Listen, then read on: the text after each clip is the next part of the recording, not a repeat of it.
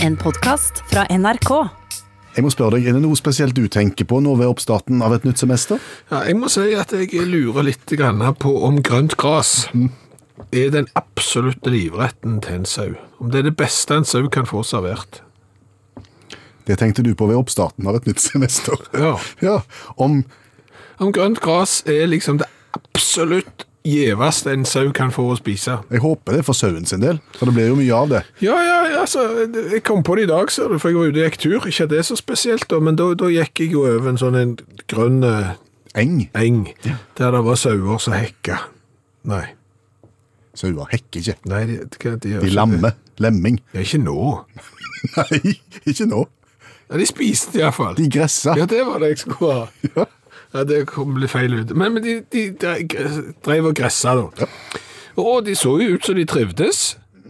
Men, men det er utrolig trist hvis de egentlig liksom syns at grønt gras bare er bitte litt godt. At Ja, det ikke er kjempegodt, for det er jo ingenting annet enn grønt gras der. Men da tenkte jeg at hvis det nå viser seg at grønt gras er det absolutt aller beste en sau kan få Hvis du hadde satt foran en sau grønt gras, eh, fyrstekake eksempel, softis, et eller annet annet Pizza. ja, kraftfôr, vet ikke. Ja. Og sauen hadde valgt grønt gras i alle tilfellene. Så tenker jeg, tenk den følelsen da å bli sluppet ut på beite. Og rundt deg så er det aller beste du vet. Alltid. Alltid. Hver morgen. Og det ligger en forventning om at du skal spise mye av det. Og, Ja. du skal, og er du ikke sulten, så spis likevel. Dette, det er ingen som kjefter på deg om du spiser for, for mye. Tenk deg hvis det hadde vært det samme for oss. Ja. Du og meg hadde blitt sluppet ned en plass. Rundt oss var det bare halve horn med ost og skinke. Sant? Og, og gjerne litt eh, softis og, og, og melkesjokolade. Bacon. Ja, Ja. Og, og det var ingen forventning om at vi skulle gjøre noen ting annet enn å spise opp dette. Vi kunne ligget og hvilt litt innimellom før vi spiste mer. Ja, når vi var blitt mette. Ja. Og ingen, sånn, ingen skamfølelse med dette her om at liksom, ja, du har ikke spist nok nå. For du kjenner jo på den. Ja, ja. Nå er sommeren over. Og jeg kjente jo, det var jo derfor jeg var ute og gikk tur. Fordi at jeg kjente jo litt på den der, nå har det gått fire uker. Jeg burde sikkert ha spist andre ting. Eh, Det, det ble på en måte som en litt sånn hvit dag for meg Ja, å gå, gå ut eh, på tur. Jeg skulle liksom ja, male, male. Ja, male et nytt lerret, for å si det sånn. Og, og, og tenk hvis sauen har, har ingen sånn skamfølelse. Ingen hvite dager. Ingen hvite dager. Bare spis nå det gresset. Kos deg, du. Ja. Sånn? Gjør ingenting. Jeg tror naturen er sånn, jeg. Jeg håper jo det, for hvis ikke så måtte du være litt skuffende. Og igjen, da blir du sluppet ut på, på en plass, og så er det Greit at det er ensidig kosthold, men jeg er ikke så glad i det heller. Nei. Den følelsen er ikke så god når du kikker rundt deg. og Det er som å komme til en buffé der det bare er ertesuppe. Ja. Det er for så vidt godt, men ikke så voldsomt godt, og iallfall ikke hver eneste dag. Nei. Ble du stående og se litt mer på sauen? Og studere den litt? Ja, altså, De lå jo midt i stien, Ja, de gjorde det. Eh, så, så når jeg gikk så Det er litt rart, når, iallfall når jeg kom til disse sauene, så ble de jo litt redde meg. Mm Men, men, men de, de flytter seg jo på en litt rar måte, for de flytter seg ved siden av meg, så de blir på en måte med.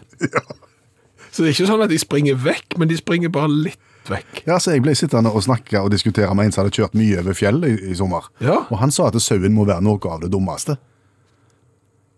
Det absolutt dummeste. Jeg spør hvor- hvor- hvordan kan du si det? Nei, og Da snakker han om det. Han kommer kjørende, og de, de er jo vant med biler. De er vant med at de, de, de må nesten flytte seg. Men gjør de det? De stiller seg opp foran grillen. Eventuelt ikke gjør noen ting, bare ligger. Jeg har også kjørt en sånn fjellovergang med, med sauer. Jeg vil jo nesten snu den der og si at de er kanskje noe av det smarteste.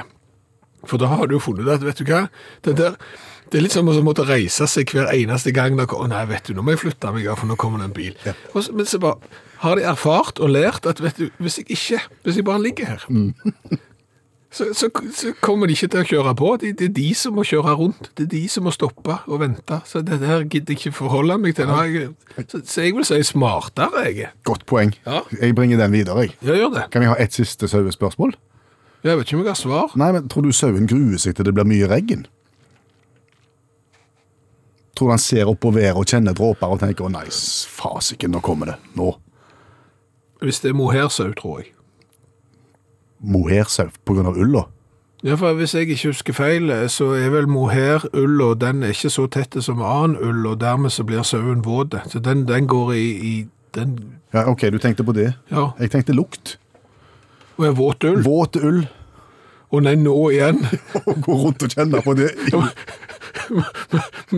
Men tenk deg det, da, hvis du har ei mor da, som sier nå må du for all del ikke dusje så du lukter så vondt. Hallo, ja. Hallais, Klingsheim. Hei, Stavanger-smurfen. Stavanger-kameratene, go, go, go. Jeg skal trege deg igjen. Viking klarte å rote vekk en ledelse i går og spille 3-3 mot et dårlig lag fra Østlandet. Og heldigvis så er jeg på norsk jord igjen. Ja, det, det begynner jo å bli en stund siden sist vi snakket sammen, nå, men nå er du altså kommet hjem igjen? Ja, jeg er i karantene hjemme i ei snau uke til nå etter å ha vært på tidenes verste sommerferie. Sier du det? Jeg, jeg synes å huske at du havna på et sånt et cargoskip. Ja, vi skulle på cargo-cruise fordi at kajakken han hadde jo hørt på radioen, og han der allmennlæreren som dere har med dere i det der uttaksprogrammet som ikke er mer enn det må være, han anbefalte jo cargo-cruise. Ja, Og du vet hvordan kajakken er? ja naboen din. Ja, Han er lett antennelig, for å si det sånn. Når han får en idé, da, så hiver han seg jo på med begge armene. Og så bestilte han plass. Så jeg ble jo med. Ja, Men vi- det var jo pandemitid, ja. så vi kom jo ikke i land noen plass. Så vi har jo da sittet omtrent to måneder om bord i en cargobåt og kjørt forbi ting. Uten å gå i land. Ikke en eneste gang har vi vært i land på nesten to måneder. Og ikke så veldig mye å gjøre om bord heller på et cargoskip, kanskje? Veldig lite. Har du prøvd å spille bordtennis i sjøgang? Det høres ikke lett ut. Det er ikke lett, og det er utrolig kjedelig. Ja, Så det er jo et problem. Det eneste det har vært lærerikt. Har du det? Ja, det har vært veldig lærerikt, fordi at mannskapet var jo filippinsk. Ja. Og ikke visste jeg at det er to, to sånne musikalske retninger i, i Filippinene for, for folkemusikk. Aha. En i nord og en i sør. Og du fikk eksempler for begge? Ja, ja, ja, det var jo folk fra begge deler der. De har forskjellige instrumenter. Altså I nord så bruker de mye sånn flate gonger og nesefløyter og bambusrasler og sånn. Ja. Men, mens i sør så, så bruker de helt andre instrumenter. Spilte de for dere? Ja, det var det som var problemet. De spilte, Og så insisterte de på å spille sammen. Oi. Jeg vet ikke om du har hørt gong og nesefløyte sammen med, med noen xylofoner og enstringsfiolin fra nord. Du blir ganske fort leie. Og så sitter du der og hører på det der mirakelset, så tenker du ja vel, det er bare to måneder igjen. Å, herre min hatt. Nei, det var ikke noe særlig, for å si det fint. Hvordan var maten om bord? Sterkt. Veldig sterkt, ja. Ja, det var en indiske kokk. Å ja. Ja, ja, ja. Ja, Jeg tror han het Vindaloo til mellomnavn. Men du blir vant med det. Ja vel, ja. Ja, ja, sånn at etter en sånn 14 dager, så kan du gå normalt på do igjen. Det er ganske fint. Ja. Ja, så nå tåler jeg ganske mye. Det vil jeg tro. Både foran og bak. For, for å si det sånn. Ja. Ja. Så, så noen positive ting har det vært, men stort sett bare negative. ja. Var det dramatikk på noe vis? I, ikke før det ble korona på Hurtigruta. Fikk det konsekvenser for dere på cargoskipet? Ja, for det, det, den nyheten kom jo til cargoskipet da, og der var det jo filippinsk mannskap. Mm. Og da fikk jo rederiet fikk jo panikk. Ja.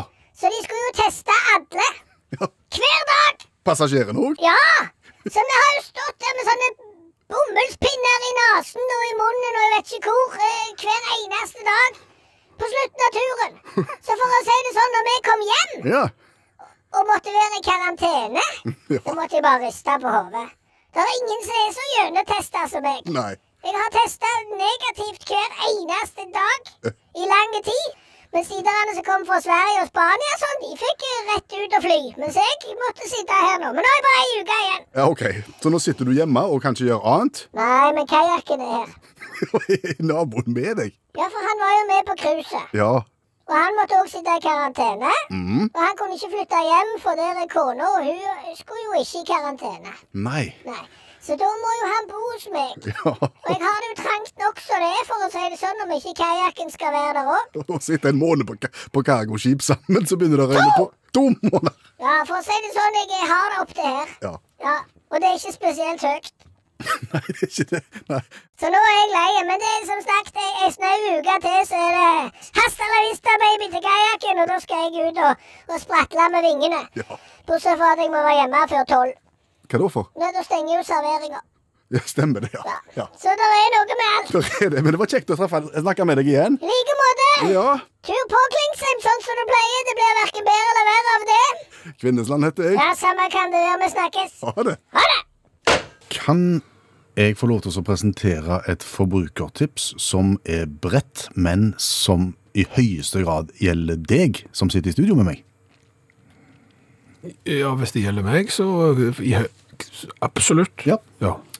For dette her er med utgangspunkt i at du er en litt sånn uh, autistisk bil, uh, bilvasker. Ja! Jeg, jeg, vasker bilen eh, oftere enn ja, ja, Enn de aller, aller fleste? Ja, ja. Ja. og, det, når du nevner det, så hadde jeg jo siste feriedag på søndag, så da kom jeg jo hjem etter å ha kjørt ganske mye bil, så vasket jeg den jo da, ja. Mm. For da var det så kolossalt med insekter eh, framme og sånn, så Ja. det var det første jeg gjorde etter at vi hadde pakket ut, ja. Ja, og den er svart, den bilen, ikke Ja. Den er det. Her kommer forbrukertipset, basert på en erfaring som ble gjort i sommer. Hvis du har mørk farge på bilen, ja. sørg for å holde den litt skitten. Den satt i sikringsboksen, tenker jeg. Den eh, fikk jeg ikke lyst til å følge, men jeg ble jo litt eh, nysgjerrig på hvorfor jeg ikke skal vaske bilen. Mm, Har du mørk farge på bilen, sørg for å holde den litt skitten. Dette her eh, erfarte jeg eh, på en parkeringsplass i nærheten av et sånt eh, populært turområde, der så mange setter bilene sine fra seg, og så går du langs sjøen ut til et punkt. Mange biler, blant annet en eh, svart, kjempeblank, nyvaska amerikansk lommelykt Tesla. Kunne vært min, altså. Absolutt Ja. Det kunne vært din. Det var akkurat samme modell, faktisk. Ja, ja. Og der sto den, og den var så skinnende vakker og blank at en svane som bodde i nærheten der, sto på sida av bilen og så på seg sjøl, og så et speilbilde i døra på bilen, for han var så blank. Er ikke det kjekt, da? Det syns ikke svanen var kjekt i det hele tatt, så den gikk til angrep på seg sjøl. Gjentatte ganger, med hardt nebb. Han tok fart, og gunk i døra. Og, og hakke, hakke, hakke, ut igjen, ta fart, gunk. Og vi var, vi var jo flere som ble stående og se på dette her, Ja. og tenkte stakkars, vi må få tak i eieren her, så vi ropte og plystra. Og liksom, er det noen som, hallo, er det noen som eier en svart Tesla her? Ingen. Og svanen ensa oss ikke, han var rasende på seg sjøl. Du tenkte ikke at du liksom skulle prøve altså, å avvæpne svanen? eh, Distrahere han, eller lukke prøvde, vi prøvde å nærme oss litt, og litt ku- kusj. Og, og da gikk han på oss. Ja. For her var det antageligvis småsvaner i nærheten, og det var på en måte det var en, en litt amper stemning. Men, men jeg har jo hørt at dyr har angrepet sitt eget speilbilde i bil før. Ja. Det var geiter. Ai, ai.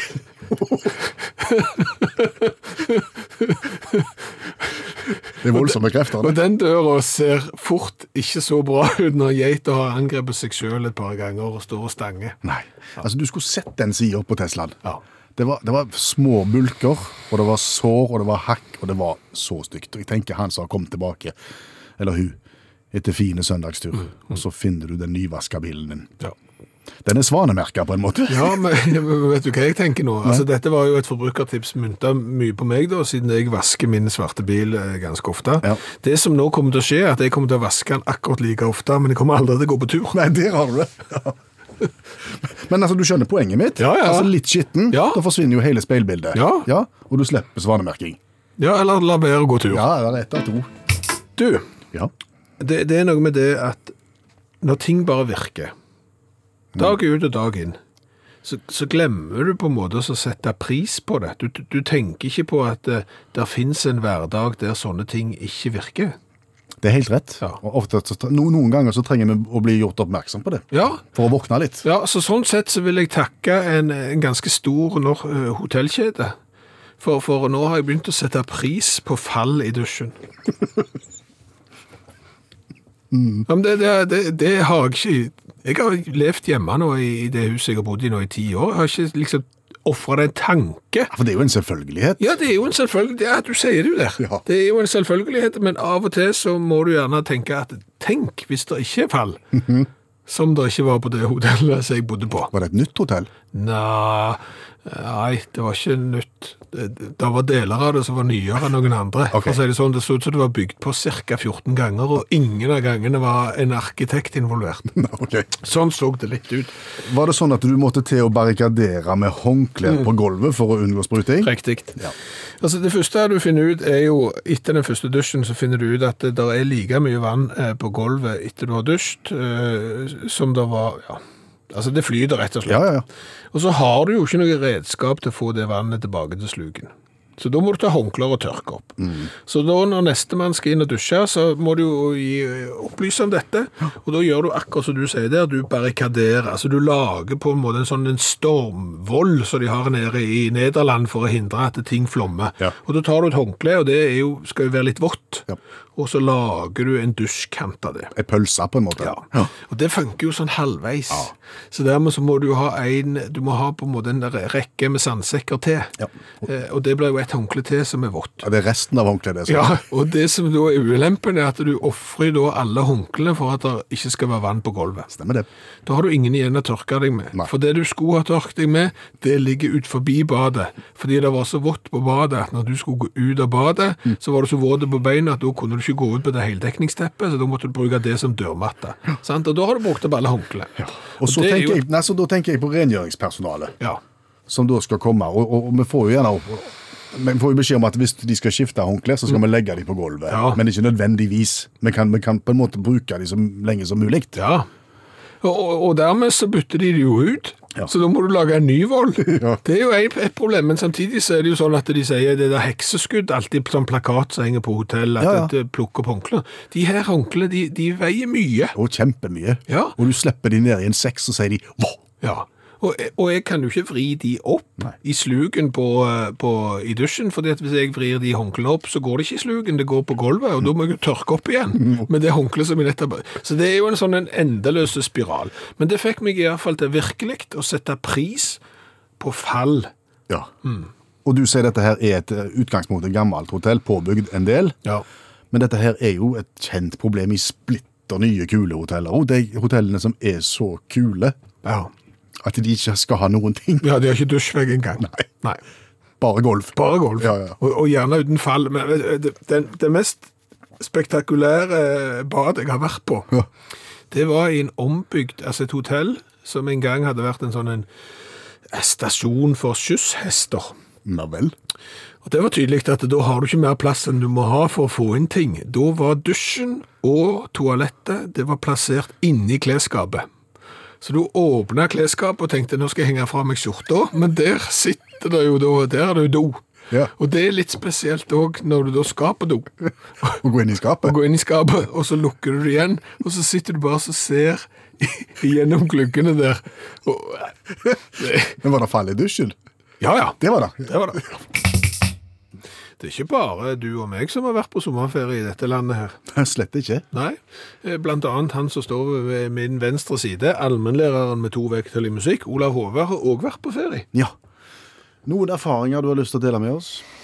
Ja, det, det har stort sett gått greit, altså, men jeg, jeg hadde vel en, eh, en liten episode Jeg sliter litt med det her med gammelt og nytt. Gammelt og nytt, Ja, altså se om noe er en antikvitet, eller om det er ny Nei. lampe, eller nei. Nei, når er ting for gammelt, eh, og når er ting for nytt, egentlig òg. Det høres ut som to vidt forskjellige ting. Ja, men det er ikke det, skjønner du. For jeg, jeg er jo fra bygda, sant, og døtrene mine er oppvoksen i byen, så jeg har av og til et behov for å gi dem lite sånn eh, eh, Gi dem litt sunt bondevett. Ja. Og i den forbindelse ble det bestemt at det skulle gås en lang fottur i Rondane. Nærmere bestemt på fire mil. Hele familien. Hele familien. Eh, og far hadde bestemt at her skulle en kjøre til oppstartssted, ja. og så skulle en ligge i telt. Ja, For det er greit. Det kan være koselig telt, hvis en legger til rette for det. Ja. Kona mi er erfaren telter, så hun har ganske nytt utstyr. Kjøpt ny sovepose til seg sjøl og ungene og underlag og alt sånt. Det trengte ikke jeg, for jeg rekvirerte jo sovepose på Håkonsverden i 1993. Han, ve han veier fem kilo og tåler ikke vann, men han er utrolig heit og god. Ja. Og så har jeg, jeg har et eldre liggeunderlag òg. ja. Eh, Der står adressa til foreldrene mine, og det er faktisk eh, det er før forrige kommunesammenslåing. Så det er gammelt, men det gjør ikke noe da. Nei. Nei.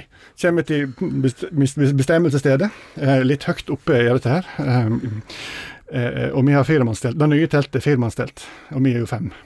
Da må far eh, Får ikke far lov å ligge i det nye teltet, men det gjør jo ingenting, for jeg fikk jo telt til konfirmasjonen. Sant?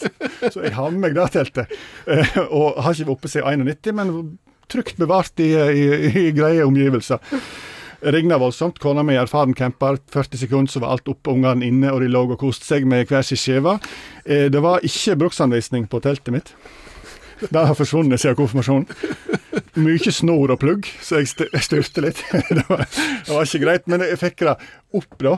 Måtte inn i bilen og ha på varmeapparat og liksom varme meg. Jeg var helst litt eh, ja, nomen, som det heter på fingrene.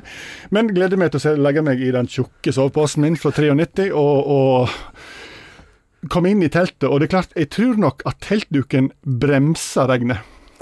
Ja, OK. Det, Men- men, men, helt vanntett. Helt vanntett. Hønsenetting er mye mer vanntett. Så der lå jeg. Okay. i, i, i eh, 30 år gammel sovepose som ikke tåler vann noe særlig, i, i fullt regnestyr og paraply. Så ikke bra ut. Men så tenkte jeg ja ja, det skal bli kjekt på tur, jeg har nye fjellsko. Ja da. Ja, ja, for dette var de gamle tingene Ja. du hadde problemer med. Men splitter nye fjellsko? Ja, jeg har gått litt tur med de. Tenkte Da er det inngått. Jeg har gått eh, ca. 2 km på asfalt. Nå skulle jeg gå 40 i steinømt terreng. Ja. Kom fram etter to mil, og jeg hadde gnagsår til knehasene. Jeg hadde jo sånn gnagsårplaster, men det var utgått på dato. Det går an. Visste ikke jeg. Hang ikke i det hele tatt. Kom inn på bestemmelsesstedet, hytta. Kjøpte restopplaget av sånne Compede. Alt de hadde, kjøpte jeg og plastra med. Slikte mine sår.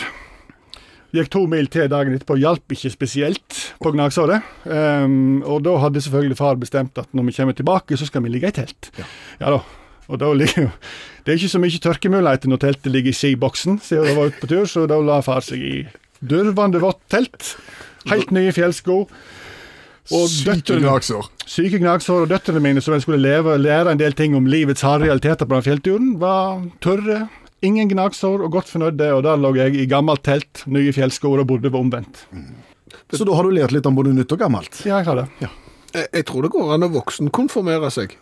Så du kan konfirmere deg en gang til, så kan du ønske deg nytt telt, en ny sovepose, og så kan du fremdeles bare gå med de skoene du har. Takk for innspill. Jeg skal gjøre det. Tusen takk skal du ha, allmennlærer med to vekttall i musikk, Olav Hove. Visste du at det finnes bærkart? Værkart Nei, bærkart. med B. Med B, ja. Kart over hvor det finnes bær. Ja, jeg, visste ikke dette, jeg. Ja. Men, men jeg fant ut av det i sommer, for det var en som viste meg det. At det, var jo på mobiltelefonen, da. Og så har du liksom et kart. Ja. Og så kan du på en måte legge på forskjellige lag på det kartet, ut ifra liksom hva er interessene dine, eller hva har du lyst til å liksom bli informert om på kartet. Og da kunne du legge på bær, og da får du bærkart. Da får du bærkart, ja. Ja. Og, Kan du se på det som en bærmelding, da? ja, det var det jeg òg tenkte. Eh, Ordspillet var jo veldig bra. Ja, ja, ja. Og, og, da kan du begynne med bærvarsling, Ja, ja. eksempel, og, og, egen bærvarslingstjeneste, og, bærvarslingsstasjoner. Og, Kan du stå bærfast? Det kan du helt sikkert. eh, Hvis det er store bærforandringer. Så, så kan det hende du blir bærfast. Du, du merker det ikke, for det er bæromslag i lufta, på en måte. Ja. Og, og er det klart at hvis dette nå viser seg å være eh, levedyktig, altså det med bærkart Ja. og, og, og bærmeldinger og den slags er stort, så, så sender du plutselig opp egne sånne bærsatellitter og, og, og sånn. Ja. Ja.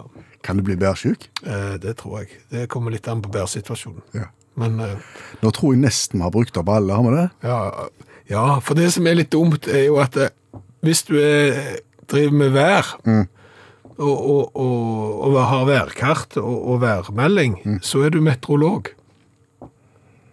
Ja, du er ikke meteorolog. Nei, sant, Så og det- dermed så for, det var, da var det egentlig, det ble litt fort oppbrukt. Det var tomt, da. Ja, Ja. det var egentlig litt dumt, for det var, det var gøy ei stund. Ja, da.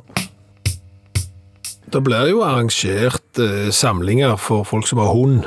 Eh, konkurranser og stevner og, og, og den slags. Over uh, hele landet? Ja, og, og folk strømmer til fra, fra hele landet. Eh, jeg har aldri tenkt på hvor de bor. Nei. Nei.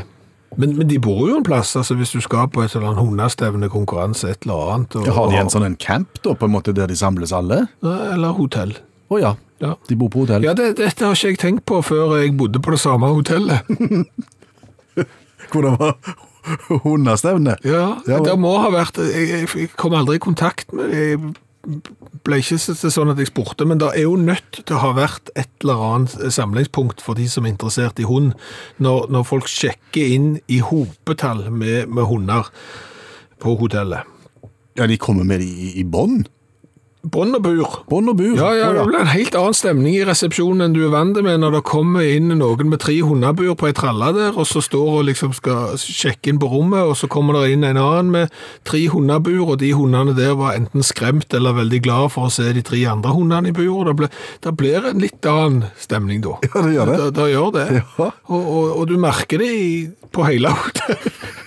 På hele hotellet, for å si det fint. Om du fikk en rasende god pris den helga? Nei, jeg gjorde ikke det.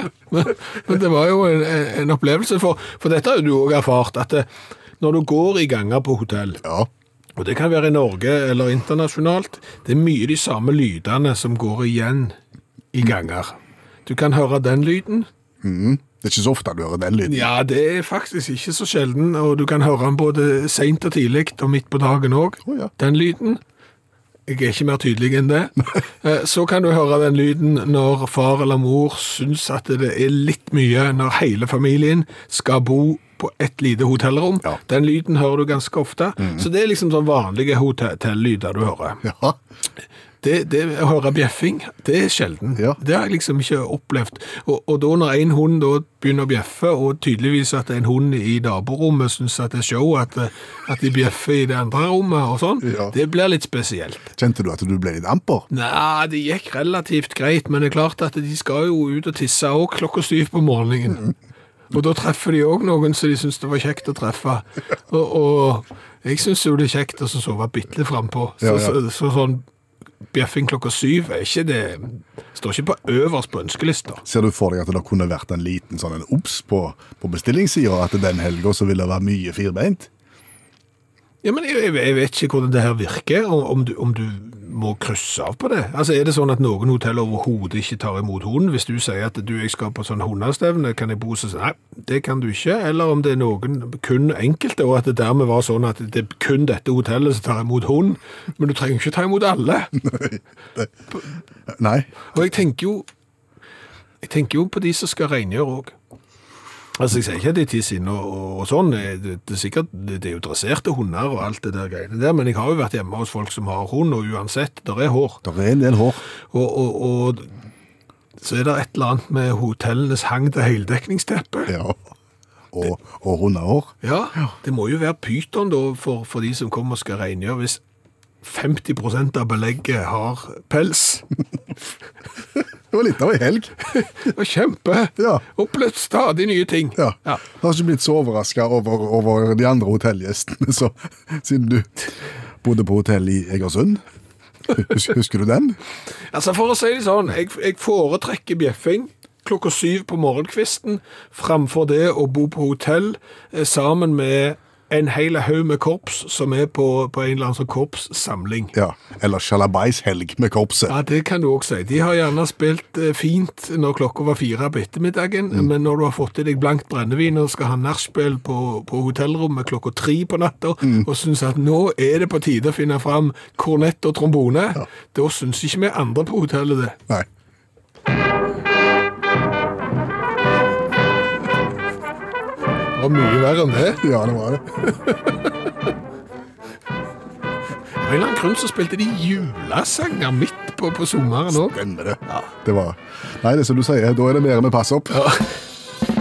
Ting som er på hytta, det er gjerne siste plassen disse tingene er før de ender sitt liv. For får du noe nytt hjemme, så flytter du det gamle ned i kjellerstua, og når du får noe nytt eh, igjen oppe, så tar du det ned i kjellerstua, og da havner jo det i kjellerstua på hytta, selvfølgelig, og så videre og så videre. Og Da snakker du gjerne om møblement, om servise og den slags. TV. Ja. Ja. Men også bøker og ukeblader.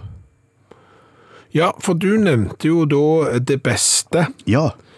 og, og sa at du hadde opplevd eh, halvannen meter med det beste på hytta. ja. Opptil flere hytter har jeg sett det på, faktisk. Og jeg trodde jo at det beste var eh, bøker. Altså at det var en sånn, for jeg, eneste jeg i forhold jeg hadde det beste, jeg mener at det liksom har stått en sånn det beste hos en bok, og så har jeg trodd at det har vært en måte å samle klassisk litteratur på, at det liksom var det er det beste, du må i hvert fall lese Hamlet, så det er det beste. Ja, skjønner. Men, men da var jeg, Ja, da er du litt på ville veier, men litt på rett vei også. ja, ok, Altså, jeg, jeg ble litt fascinert av det beste historien, så jeg har lest meg litt opp på den nå. ok. Uh, du visste kanskje ikke at det er da et lite magasin, eller ikke et lite, eller i format så er det lite. Det er omtrent størrelse A5. A5, ja, det er jo mindre enn A4. Ja. Det er jo det som er så logisk med den der A-greia, at hvis du skal ha et ark som er dobbelt så stort som A4, så heter det A3. Ja, stemmer. Så A5 er halvparten så stort som A4. Ja, Det er størrelsen på det beste. Okay. Og så litt tjukt. Ok, -huh. Og så er det altså da eh, verdens mest leste magasin, ifølge mine kilder. 31 utgaver på 15 språk, og nærmere 70 millioner lesere globalt hver måned. Det er mye, Nå? Ja, ja. 70 millioner. leser så mange magasin. Ja. Ja vel. Readers Digest. Oi, det har jeg hørt om. Ja, det er jo det det heter. Og Oi, norsk, på norsk heter det det beste. Det var jo en fornuftig oversettelse. Det høres ut som noen som har ja, vært på heller, sånn... nei, det er heller ikke dumt. nei. Nå må du bare høre etter. Ok, jeg hører. Fordi at dette her ble da grunnlagt i utgangspunktet i 1922 i New York Mhm. av eh, ekteparet DeWitt Wallace og kona Laila Ackerson Wallace. Ja. Og tanken var da å velge ut og forkorte stoff fra andre publikasjoner og presentere dette samla i en lettlest form og i et hendig format. Altså det beste henta ut fra andre magasiner. Ja, så de siler Ja. på en måte, Ja, ja. og hjelper oss. Jeps. Ja. Fort så ble det kjempepopulært med denne blandingen av aktuelle, lærerike, underholdende og inspirerende artikler. Aha. Eh, og etter hvert så fikk magasinet også egne reportere, og så lagde de på en måte eget stoff også. Og så ble de større og større og større, og så ble de eh, utgiver av magasiner, bøker og musikk. Å ja. Musikk òg, ja. Ja, ja. Så, altså Bøkene som du har sett, det beste, på en måte, det er bokserier da, som er utgitt av, av samme greier. Ja, Så da var jeg heldigvis ikke helt eh, på villspor. Men hvorfor har dere halvannen meter av det på hytta? Nei, jeg vet ikke. Altså, det, de, de ble jo abonnert på i, i sin tid, da. Ja. Og så har det ikke blitt kasta. Nei, så, så hadde du ikke mer plass i hullet hjemme, så da flytter du det til hullet på hytta. Ja, ja, ja. For altså, Det beste kom ut for første gang i Norge i 1947. Mhm. Da er det jo faktisk eh, 20 år etter at de starta opp i USA. Og, og det ble jo en megasuksess med en gang. Eh, I 1971 så var de oppe i 235 000 lesere månedlig. I Norge? I Norge, ja. Ja, men nå da når eh, Nei, nå er det ikke all verden. Nå er du nede i 7500. Ja. Så det har stupt på en måte. ja. Men det er jo allikevel en del. ja, Det var det beste. En slags uh, best-of-samling av andre publikasjoner utgitt i et smart, lite nettformat. Presentert av Per Øystein Kvinnesland. Nå lærte jeg noe. Kjekt når ungdommen oppdager P1. Ja, og radioprogrammet Utakt. Ja, eh, for det har vel vi sagt i mange år, at eh, hvis du gjør leksene dine og hører på P1, eh, da kommer du til å få en god jobb. og, og Vetle Eltervåg, 13 år, har da begynt å høre på Utakt, og har da sendt oss en cola som han eh, vet at vi ikke har prøvd, og som han vil at vi skal teste. Veldig kjekt, Vetle. Vi har smakt på nærmere 300 varianter. Denne har vi ikke vært borti. Det vil si vi har vært borti kan du si, broren. Ja, for Frem bryggeri i Danmark, eh, den colaen har vi testa. Eh, Den ligger på 60. plass av de 250 colaene vi har testa. Du ga den fire i smak, og jeg ga den seks i smak av ti poeng. Den vi sitter med nå, heter Frem Cola Klar. Ja, og den er helt blank. Mm, som vann. Det er glassflaske. Ja. 030 eller 025, kanskje? 025. 025. Og det er kultsodavannet der jeg vil dø. Snakker du dansk nå? Ja, det er jo dansk. Altså, forbrukerne etterspør igjen og igjen klar cola. De håper på at colaen der ikke ligner en cola, kommer igjen. Børn av fisserne! Merker du det? Hva sa du nå? Børn av fisserne! Børna? Ja, det er ungdommer fra, fra 80-tallet. Altså Firasnes, Firs. Firserne. Straks så folk forstår det Ja, ja, men jeg sier jo det. Vil kunne huske barnefødselsdager med frem sodavann i et vel av regnbuens farver. Og børnenes glede av syn av Jeg vet ikke om jeg klarer det. Nei, du må bare stoppe. Jeg må det. Greia er at eh, det er en retroting. Dette her har vært populært i Danmark, så de prøver å relansere nå, er det det? Ja, det var liksom det store var jo når det kom sånne Cola Clear, altså helt eh, fargeløse eh, cola. Det var noe helt, helt spesielt, liksom smaken alene. Og, og så satt du der og lurte på, kan dette smake cola da? For det jo ser ut som vann, og så skulle det da visstnok det. Og Frembryggeriet har med sin relansering av Klar Cola vært helt 100% trygge på at de har skapt en fargeløs cola som smaker cola. Skeptisk. Ja, absolutt. Vi har 100 skeptisk. Vi har prøvd en del blanke varianter, og de, svak, de smaker jo sitronbrus, stort sett. Ja, de, de, de gjør jo det, men det, men kanskje vi må prøve å lukke øynene og så prøve. Eh, eh, til slutt så sier de her i sin presentasjon, jeg skal ei lede mer, altså du skal ikke lede mer, klær cola ned til baget. Nei, får det ikke til. Vil du være med på vognen, så tenn på ditt Pac-Man-spill, finn kassettbåndene fram, og ta din ungdoms retro-nostalgi tilbake. Ok, Det er altså for oss som er barn av 80-tallet, dette Ja. her, så det må jo være midt i blinken der. Ja, litt dumt for vette, stakkar, som bare er 13 og ikke aner hva vi snakker om. Så det. Men, sånn. Ja, nå skal vi smake, så skal vi gi karakter for, for den blanke varianten. Fra 1 til 10 på smak, og 1 til 10 på design. Hør den vakre lyden her.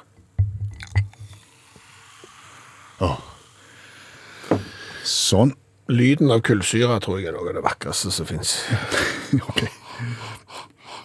Mhm, Så var det lukten. Må, bekla må beklage altså, til alle fjerserne, men det, det, Det lukter ikke cola. Det lukter ikke cola, altså. Nå skal jeg lukke øynene så jeg ikke liksom ser fargen.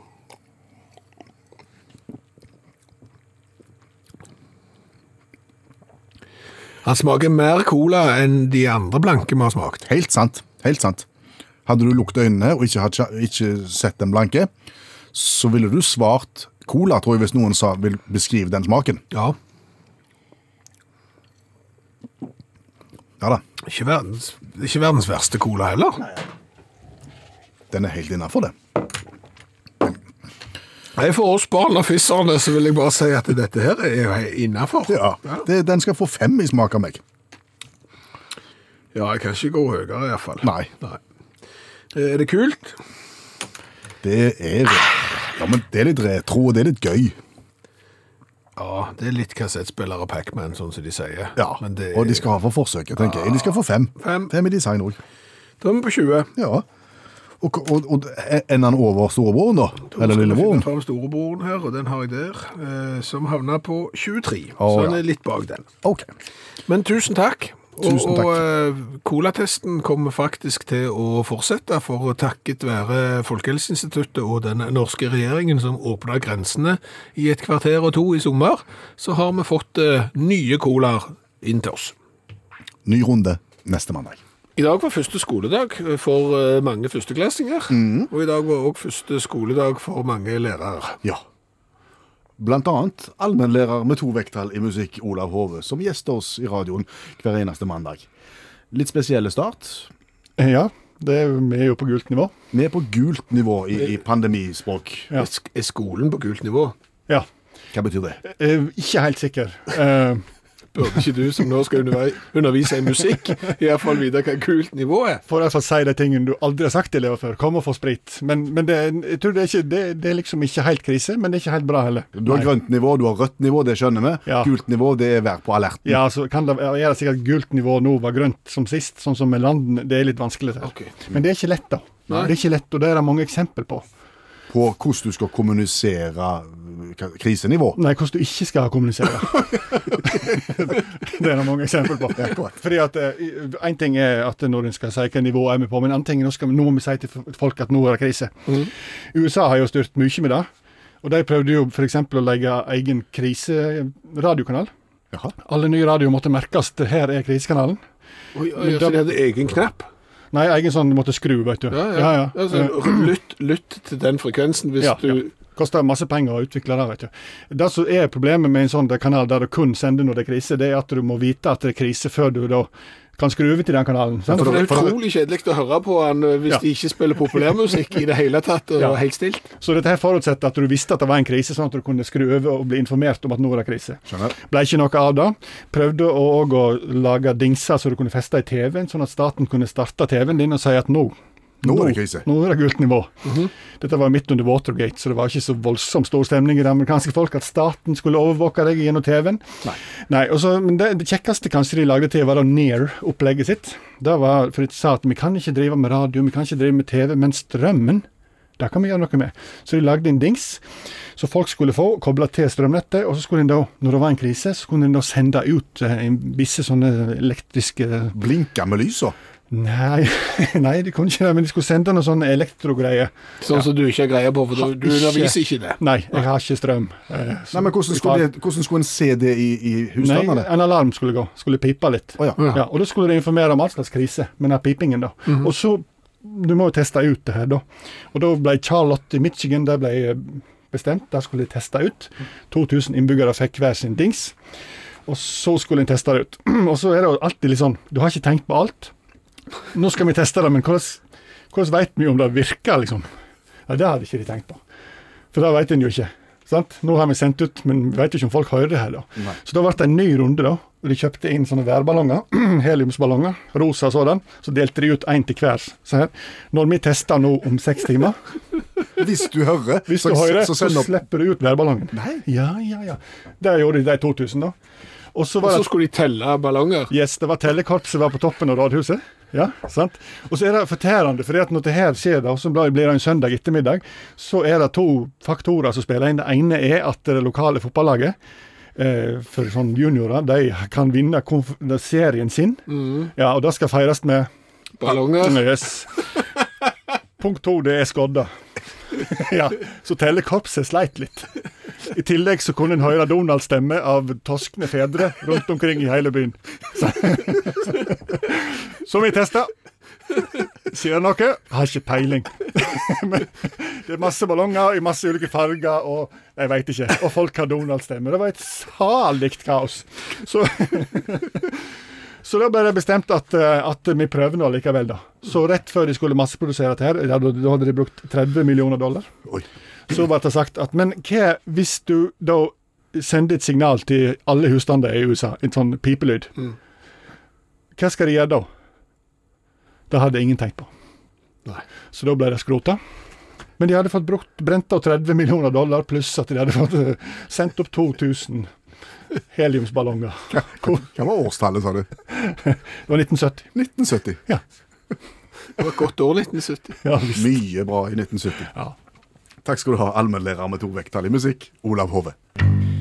Je t'aime, je t'aime, oui je t'aime. Kjære lytter, velkommen til vår opplysningsspalte seksualundervisning rundt grøten. Ja, og bakgrunnen for denne her er at det er veldig, veldig, veldig mye informasjon å få tak i på internett, på fjernsyn og på radio, men all den informasjonen der er veldig direkte, og alt er normalt. Her er det ikke så direkte, og ikke sikkert alt er så normalt heller. Nei. I dag er det kommet inn et nytt spørsmål fra Spanske Trond. det spanske Trond i dag òg, ja. Ja. Hva lurer han på i dag? Ja, altså du sitter jo med spørsmålet foran, så hvis du skal gå rundt grøten på det spørsmålet, så blir det noe sånt. Ja, altså Han er jo ganske direkte sjøl når han spør, men for oss som da ikke er det, så, så, så kan vi vel si det sånn at spanske Trond er på en måte på fisketur. Okay. ok. Og så har han fått noe på kroken. Det er god gang. Noe villig og vilt. Noe villig og vilt på kroken. Men Ja. idet han på en måte skal hale opp fangsten, komme i mål, Ja. klimaks i hele forestillingen, så svikter på en måte eh, glassfiberen i stonga. Okay. Altså spensten forsvinner, kan du si. Ok. Ja. Greit. Og så blir det skitfiske og bare tøys. Ja. Forstår du hvor spanske Trond vil hen? Jeg tror vi vel ganske tydelig har gått rundt grøten her, ja. Og altså, skal vi holde oss på fisketur, kanskje at det kan være, være et godt farvann. Ja. For hva, hva skal han gjøre Eh, Nei, for, som for det, sliter som med jeg, dette problemet? det som jeg tenker på er at altså fisking Ja. i, i, i denne sammenhengen her, det er jo på en måte en konsentrasjonsidrett. ja. Mm. Og det er jo på en måte du skal prestere. Ja. Og, og da vet jo de som gjerne har drevet med konkurransefiske, casting, andre ting, at det, altså blir du for fokuserte, ja. så går det galt. Ja. Og blir du for ufokuserte, så går det galt da òg. For det er litt den der du må tenke at hvis du står bare og ser og ser og ser på scenen og sluken og det du har uti, ja. Og ikke ser på omgivelsene rundt deg. Ja, så, så, så forsvinner på en måte hele naturopplevelsen med hele fisketuren. Ja. Og, og du har gått glipp av noe, og du har vært for fokusert på én ting, og plutselig så, så er opplevelsen vekke. Ja. Men samtidig, da, Ja. hvis du bare står og virrer, og kikker rundt omkring og ser at ja, men der vager det, der vager det, der vager det, og der var det en fugl som jeg ikke har hørt før, og sånn, så risikerer du jo at sluken som du har uti, den setter seg i bånd, Ja. for du er ikke i stand til å være rask nok til å trekke den opp, og så sitter den i bånd, og plutselig så, Så må du ta den i land, og så, så, Så har du problemer med glassfiberen. så går gjerne glassfiberen. Ja. Så det det handler om her, Spanske Trond, hør etter nå. ja, det er jo eh, etter vår forstand da, å ha en ro Ja. til å ta inn over seg litt av det som er viktig, og slappe av i situasjonen og nyte øyeblikket. ja. Jeg tror vi har gitt svar, jeg. Ja, handler det noe om snella òg her? Eh, Elektrifisering. Ja, det er noe du er glad i. Ja, jeg liker elektrifisering, og det er jo kommet langt. Og jeg er glad i elektrifisering, for så vidt òg, helt til jeg blir griseforbikjørt eh, på, på sykkel av eh, eldre folk med, med masse bagasje i oppoverbakker mens jeg trør alt jeg kan. Ja, jeg synes, ja. Det, det gjør noe med deg, det. Ja, det gjør noe med deg. Men altså, elsykkel er ikke uvanlig nå i det hele tatt. Elsparkesykler er jo heller ikke uvanlig, så elektrifisering av fremkomstmiddel er jo eh, vanlig. Men jeg har ikke sett eldresin. Eldresin. Ja. Egentlig så ser jeg ikke så fryktelig mange dresiner heller, så det har jo kanskje litt med det å gjøre. Men jeg har jo forsøkt meg da som dresinsyklist i, i sommer. Jeg forteller nå hva en dresin er der, først og Det er en trikanta sykkel, Det, hvis du ser den ovenifra. det er en sykkel som du kan sykle på skinnegangen med. Ja, Ja, og gjerne i bruk på nedlagte skinneganger nå, som en slags turistattraksjon. Og, Ja. Og så må det jo være tre hjul på den, for ellers så blir det litt dumt hvis du bare sykler på, på ei sånne skinne. Du må ha på begge for å holde balansen. Også, Ganske tungt. Ganske tungt, ja, men eh, sånn som de dresinene vi sykla, eh, de var tandemdresiner. Da satt du eh, bak hverandre, for, ja, mhm, satt på rekka, og, og var to stykker og sykla. Og, og det gikk for så vidt greit. Eh, De er ganske tunge dresinene, ja, de veier vel 70-80 kilo, eh, så det er litt tungt, og når du går i oppoverbakke da, så merker du det. Mm. Men det var jo de som hadde med seg eh, passasjer, Som ikke sykla, som bare satt på. ja, og det funka jo fint hvis vedkommende var f.eks. syv år. Eh, Det funka ikke fullt så fint, så det ut som, hvis noen hadde med seg svigermor eller noen andre voksne som da satt på setet i de samme Og oppoverbakkene. det er da du etterspør elektrifisering. Ja, eldre sin. Altså, jeg har prøvd å sø sø søke og lete om det finnes eldre sin, og jeg har sett at det er da en som eh, viser deg hvordan du kan lage din egen eldre sin. Ja. Men nå vet ikke jeg hvor stort behovet er for å ha egen dresin. Smalt bruksområde. Ja, veldig. For altså, Hvor skal du bruke den hen? Har du egen skinnegang i hagen, så for all del bygg deg en eldre sin. Det, det er ikke det, men Det er ikke det vi skal pense saken inn på nå. Nei, det, det, det er ikke det. Men der som jeg leide dresin, det var sikkert 20-30 dresiner. Det var ventetid. Jeg måtte bestille tid eh, lenge forveien for å få meg dresin, og jeg måtte møte på et gitt klokkeslett og, og begynne å trø. Ja. Og, og det er klart at der kunne de ha elektrifisert et par-tre dresiner, tror jeg. Så, så hadde det gjort at noen flere kunne fått prøvd seg, som gjerne ikke var så skodd for oppoverbakke. Ellers ville ha med svigermor. God tanke. Ja. Hadde du lys på dresinen din? Jeg hadde hodelykt. Ja, ok. For du kjørte jo inn i tunneler, ja. Ja, og det har jeg prøvd også, og der blir det forferdelig mørkt. Ja, Så jeg hadde jo hodelykt, og da så jeg ingenting. Nei. Når jeg skrudde den av, så så jeg overhodet ingenting. Nei. Men da fant vi ut at å ta fram mobiltelefonen, det var et godt triks. Akkurat. Ja.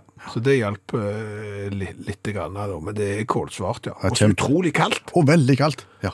Du sykler der i shorts og T-skjorte, det er sommer og alle tider, så, så sykler du inn i en tunnel, så er det jo så kaldt at du og, og det var 17 tunneler på turen. Jeg var iskalde 17. Nei, det var ikke alle som var så lange. Men Nå kommer jeg på noe når du sier det med mørket, for jeg, jeg har også sykla i sommer. Jeg har jo sykla Rallarveien Ja, på, på vanlig sykkel. ikke elsykkel. Nei, vanlig sykkel. Men der er også tunneler. Og du, du, du er ute, og det er omtrent der er snø på deler av veien her. Ja. Så det er kjempelyst. Og så kommer du i fulle, fulle, fulle fart inn i tunnel. Voff, sier det. Og du ser ikke en puck, og det er jo et veldig ruf- rufsete underlag. Ja. Det blir bedre hvis du tar av deg solbrillene, fant jeg ut i den fjerde tunnelen.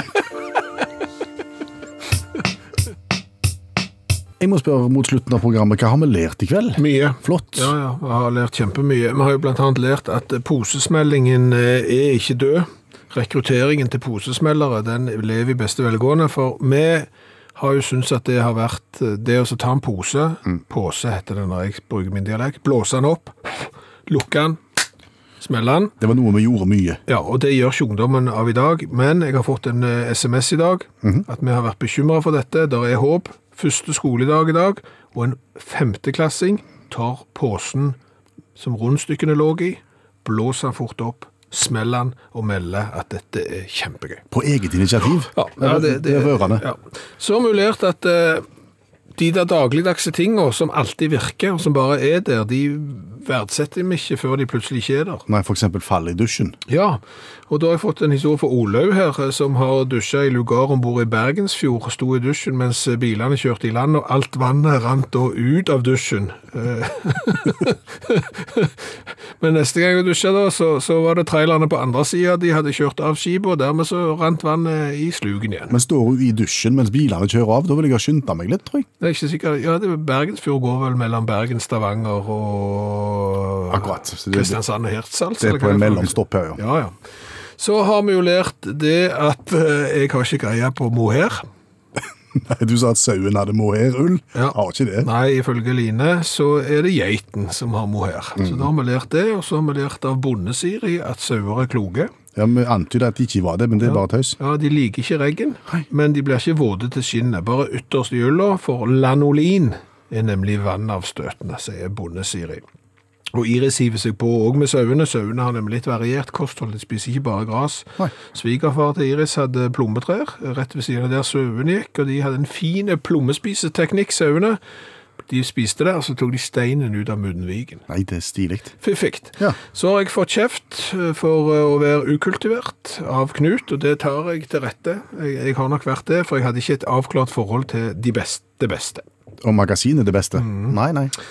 Det beste, eh, som er det magasinet som er mest lest i hele verden. Masse språk, eh, 70 millioner lesere globalt. Den dag i dag. Hver måned. Ja. Og så har vi lært det at Danske Frem, et bryggeri, har lagt en nostalgikola for de som var ungdom i firserne. I Fir, fisserne?